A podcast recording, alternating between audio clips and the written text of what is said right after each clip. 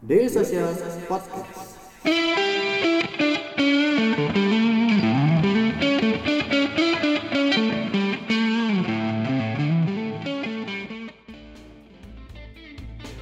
Oke, bertemu lagi di Daily Social Podcast atau di ngobrolin sarapnya Daily Social Podcast. Eh, kali ini kita udah berbarengan dengan pembicara yang seperti biasa, pembicara sebenarnya pembicara Selasa Sarap, namun saya ajak dulu atau saya eh, minta waktunya dulu untuk bisa ngobrol eh, di eh, ngobrolin sarapnya dari Social Podcast gitu. Nah, eh, hari ini atau sore ini saya udah bersama Mas Dani Jiang. Tuh Mas Dani ini adalah COO dan co-foundernya dari lacak.io gitu. Nah, mungkin teman-teman di sini ada yang sudah tahu apa itu lacak.io atau mungkin bahkan ada juga yang masih apa ya masih asing lah dengan lacak.io. Nah, karena mu- mungkin Mas Daninya udah saya ma- manggilnya Mas Dani aja ya Mas ya. Gitu nah. Karena Mas Daninya udah di sini, kita mungkin langsung aja nih ngajak eh, obrol apa sih Mas lacak.io dan lain-lain gitu ya. Oke, langsung aja nih Mas. Iya. Apa Ya, sih Mas lacak.io itu Mas? Ya, jadi lacak.io itu eh, kita menyediakan fleet management solusi, Hmm. solusi pengelolaan armada untuk logistik company small Oke. medium di Indonesia supaya armadanya itu go digital. Oke. Nah, go digi- digitalnya itu untuk apa? Pertama untuk em, supaya daya kompetisi mereka lebih karena mereka bisa integrasi ke sistem. Hmm. Yang kedua efisiensi mereka bisa ditingkatkan. Oke. Lalu safety-nya sendiri juga bisa ditingkatkan Oke.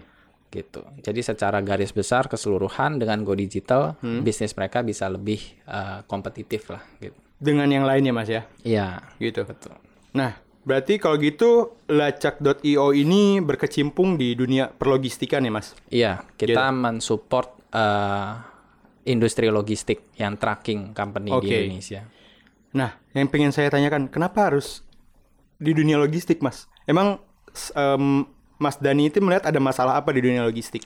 Iya, eh, kenapa logistik? Karena kalau kita bandingin logistik di Indonesia sama katakanlah di Thailand, Mhm. di Cina, nggak usah ada jauh-jauh ke Eropa, Thailand sama Cina aja, Hmm. mereka tuh eh, teknologinya udah le- jauh lebih tinggi. Oke. Jadi kalau masalah track lokasi dan lain sebagainya itu udah jadi satu standar, Hmm. sesuatu hal yang biasa. Tapi di Indonesia gimana? Di Indonesia mereka tuh untuk small medium masih nggak punya sistem sama sekali. Bahkan untuk tahu lokasi aja mereka harus telepon. Oke. Segala macam pekerjaan semua masih pakai kertas. Hmm. Dan karena nggak ada sistem, mereka nggak tahu apakah pengiriman mereka udah on time atau eh, ada armada yang bawanya ugal-ugalan sampai bisa membahayakan Pengguna mobil lain. eh, ya Oke. pengguna jalan yang lain. Oke, oke. Berarti memang eh, Mas Dani sendiri dan tim sudah mempunyai concern tersendiri ya Mas ya? Betul. Eh, lebih ke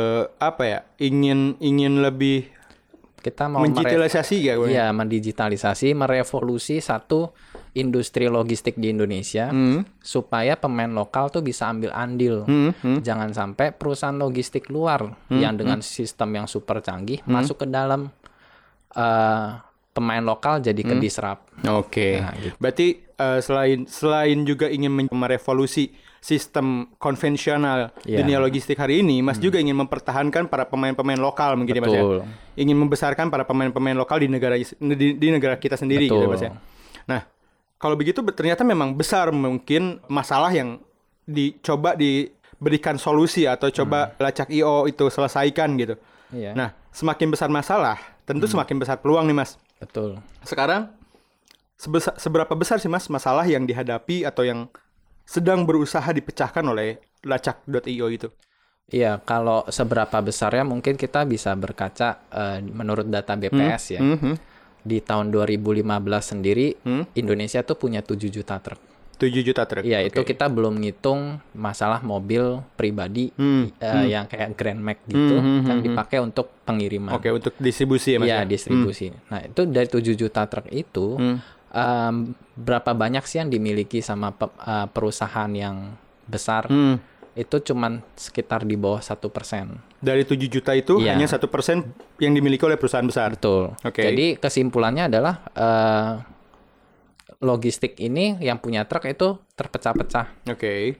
Nggak nggak ter nggak ada satu pemain yang benar-benar besar yang Oke. punya uh, armada banyak sekali. Oke. Nah, di situ untuk mengedukasi Hmm, mereka supaya sadar sistem, jangan sampai sadarnya tuh udah telat. Oke. Kita udah bisa ngelihat di sini kalau contoh uh, Mas jalan nih dari tol Cawang ke Cikampek, Hmm, hmm. itu udah banyak truk-truk baru. Ya. Perusahaan uh, logistik baru, entah itu bisa tu- uh, datang dari Singapura, dari dari Jepang dan lain sebagainya. Nah, ini jadi concern kita sendiri karena teman-teman logistik yang saya ketemuin bilang ya masih konvensional, Oke. itu ordernya udah mulai berkurang. Oke. Karena yang punya barang, kayak contoh uh, perusahaan besar misalkan Unilever atau lain sebagainya, itu udah mendiman untuk mereka punya sistem. Hmm, hmm, hmm. Uh, Unilever akan kasih barang kalau armada mereka punya sistem karena Unilever butuh data itu. Oke. Nah, itu yang kita coba encourage uh, logistik-logistik company di Indonesia Hmm, hmm. untuk ayo mulai sadar kita Oke. kita pakai sistem yuk untuk kompetisi barang-barang karena semua udah pada mengincar logistik di Indonesia. Dek, ngobrol yuk. Ngobrolin apa bang? Ngobrolin startup bareng Daily Social.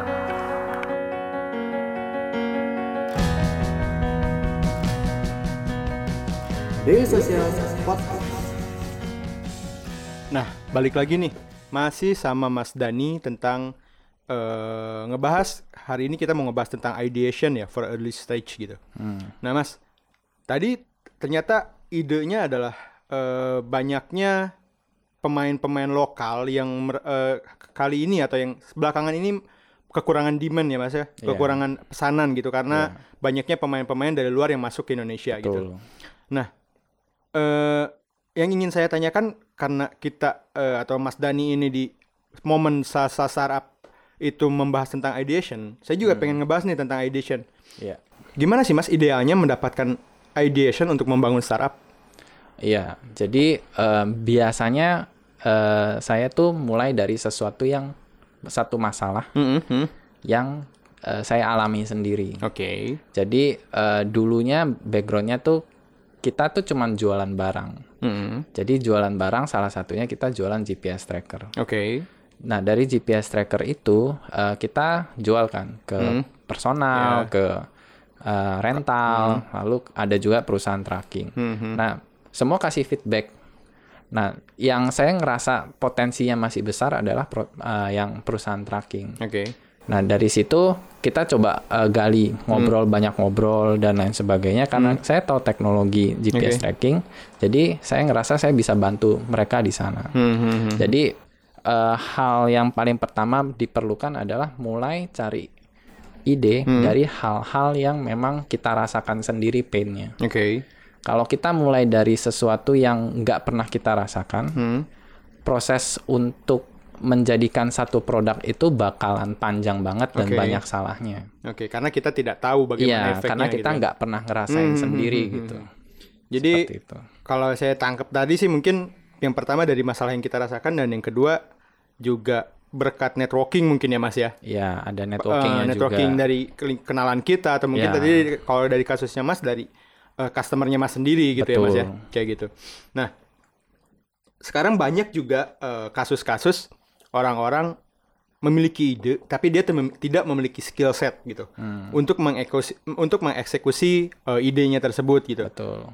Itu gimana tuh mas? Misalkan kalau seperti itu gitu, karena kan banyak juga orang ah gue punya, gue pengen bikin ini nih, gue pengen bikin ini, tapi gue nggak bisa ngapa-ngapain, gue nggak bisa coding, gue nggak bisa programming gitu. Ah, ah. Itu seperti apa mas? Iya, jadi eh, itu hal yang wajar sih. Hmm, jadi hmm, dalam hmm, artian dunia bisnis startup itu bukan one man show. Hmm, Nggak mungkin ada Superman yang bisa kerjain dari A sampai Z. hmm, sendirian. Iya sendirian. Jadi dia pasti eh, butuh orang untuk bantu dia. Contoh, Hmm, hmm, hmm, ada yang jago coding. Dia punya ide, katakanlah idenya namanya ide ABC. hmm. Tapi dia nggak ngerti bisnis. Oke. Nah kalau dia jago, jago coding doang, nggak ada yang bisa bantu jual, Hmm, that's it. Itu bakalan selesai startupnya. Oke. Jadi dia tetap perlu, apa pun dia jagonya itu, dia tetap perlu uh, membangun tim. Oke. Ya, at least berdua, bertiga, mungkin berempat juga masih boleh. Oke. Kayak gitu. Berarti kalau gitu eh, Mas Dani adalah termasuk orang yang concern atau misalkan eh, sedikit tidak percaya bahwasannya startup itu bisa dibangun oleh satu orang saja. Iya, saya sih nggak percaya itu. Berarti Mas Dani adalah tipe eh, apa ya? S- tipe orang atau tipe founder yang memang percaya bahwasannya semuanya itu harus dibangun dengan tim ya Mas ya. Betul. Dengan tim- tim itu aset yang Tim itu berharga. adalah aset yang Iya. berharga. Oke. Jangan lupa subscribe Ngobrolin Startup Daily Social Podcast di SoundCloud, Spotify, atau aplikasi podcast favorit kamu.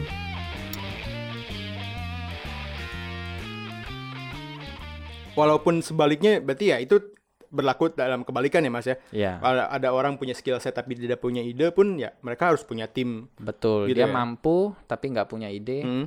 Eh, ikut aja kayak contoh Selasa startup Hmm, atau hmm, hmm. e- event networking yang lain. hmm, hmm. Eh, ketemu sama orang yang lebih visioner Oke. karena tipe orang tuh nggak semua visioner punya ide dan lain sebagainya. Nah biasanya orang punya vis- eh, visioner punya ide, Hmm. dia pasti ya itu nggak nggak ada kemampuan untuk eh, eksekusinya Eksekusi, gitu. oke. Jadi dia juga butuh bantuan. Hmm, hmm, hmm, hmm.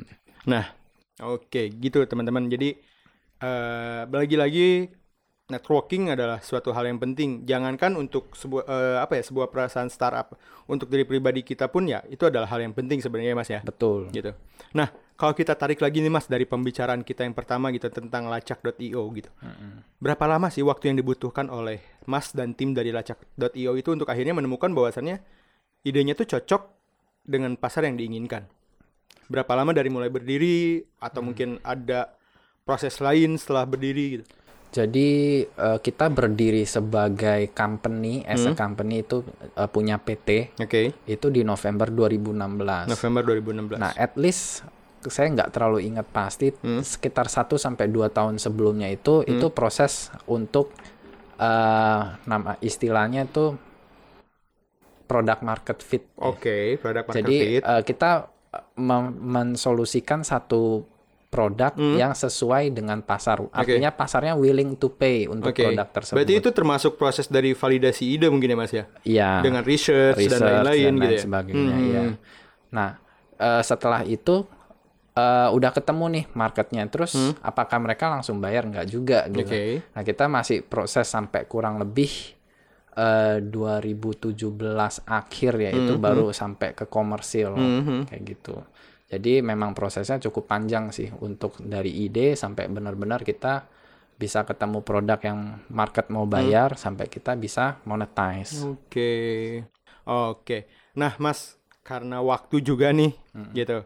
Dan banyak juga udah banyak juga ternyata pertanyaannya saya sampai eh, apa yang saya tanyakan kepada Mas Dani. Iya. Mungkin terakhir aja nih Mas dan akan saya tagih ke setiap pembicara yang saya culik ke studio ini gitu. Oke. Eh tips and trick atau saran-sarannya sih Mas buat teman-teman pendengar dari Social Podcast tentang bagaimana membuat ya mungkin kalau hari ini kita membahas tentang ideation ya tentang bagaimana kita mencari ide, tentang bagaimana kita memvalidasi ide dan akhirnya kita bisa membangun startup gitu. Mungkin ada tips and trick atau mungkin saran-sarannya dari Mas Dani ini sendiri. Iya, mungkin yang pertama yang perlu di aware adalah eh, bangun startup itu nggak sesuatu yang yang mudah. Oke. Itu sesuatu yang nggak cepet juga, itu butuh waktu. Jadi kalau ngerasa-ngerasa diri orangnya agak cepat menyerah dan lain sebagainya itu mungkin coba dipikirkan lagi. Oke. Nah, yang kedua adalah proses pencarian idenya itu Hmm. sendiri. Balik lagi kayak tadi yang saya uh, sempat sampaikan, Hmm. mulai dari uh, hal yang kita benar-benar experience, Oke. masalah yang benar-benar kita pernah alami, Hmm. atau at least orang yang pernah kita bantu untuk selesaikan masalah itu. Oke. Karena itu akan bersinggungan langsung dengan produknya akan bergerak ke arah mana. Hmm, Dan saat misalkan kita mau fundraise atau mau mau ketemu kas- customer, Hmm. eh, produk yang lahir dari masalah yang pernah kita alami itu penjelasannya akan jauh lebih kuat dibanding kita bikin bikin produk yang kita nggak pernah ngerasain masalah itu. Oke. Kayak Oke. gitu. Berarti eh, tetap yang Mas Dani ini apa ya? Yang Mas Dani sarankan atau misalkan menjadikan top apa ya? eh, top sarannya adalah kita harus mengalami dulu masalah apa yang akan kita Iya, jual, betul. gitu. Iya. Karena dengan itu kita bakal tahu bagaimana experience dari user yang akan kita Betul. eh, akuisisi gitu ya Mas Betul. ya. Oke, gitu aja mungkin teman-teman dari Social Podcast cukup banyak juga dan cukup unik juga nih sarannya karena memang baru kali ini juga saya dapat dapat saran seperti itu gitu. Mungkin teman-teman dari Social Podcast juga menambah wawasan, menambah juga ilmu-ilmu baru tentang bagaimana membangun dan eh, membuat sebuah startup baru gitu. Oke, gitu aja. Terima kasih Mas Dani dari eh, lacak.io yang sudah mau saya ajak ngobrol di Daily Social Podcast. Nanti kalau ada kesempatan mungkin mau lagi ya Mas ya kita ajak ngobrol di sini gitu. Boleh. Oke gitu aja mungkin teman-teman dari Social Podcast gitu aja ngobrolin sarapnya hari ini. Semoga apa yang kita bahas hari ini bisa bermanfaat untuk teman-teman semua. Oke selamat sore dan selamat, sampai jumpa di episode berikutnya.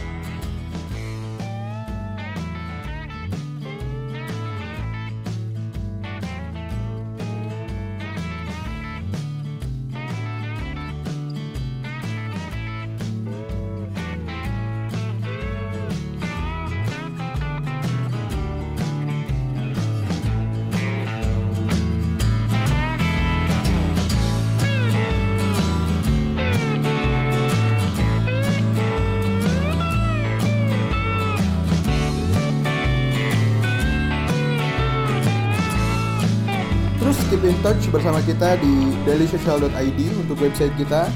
Di Facebook kita ada dailysocial.id, di Twitter kita ada @dailysocial dan di Instagram kita ada @dailysocial.id. Di LinkedIn kita ada Daily Social dan di YouTube kita ada Daily Social.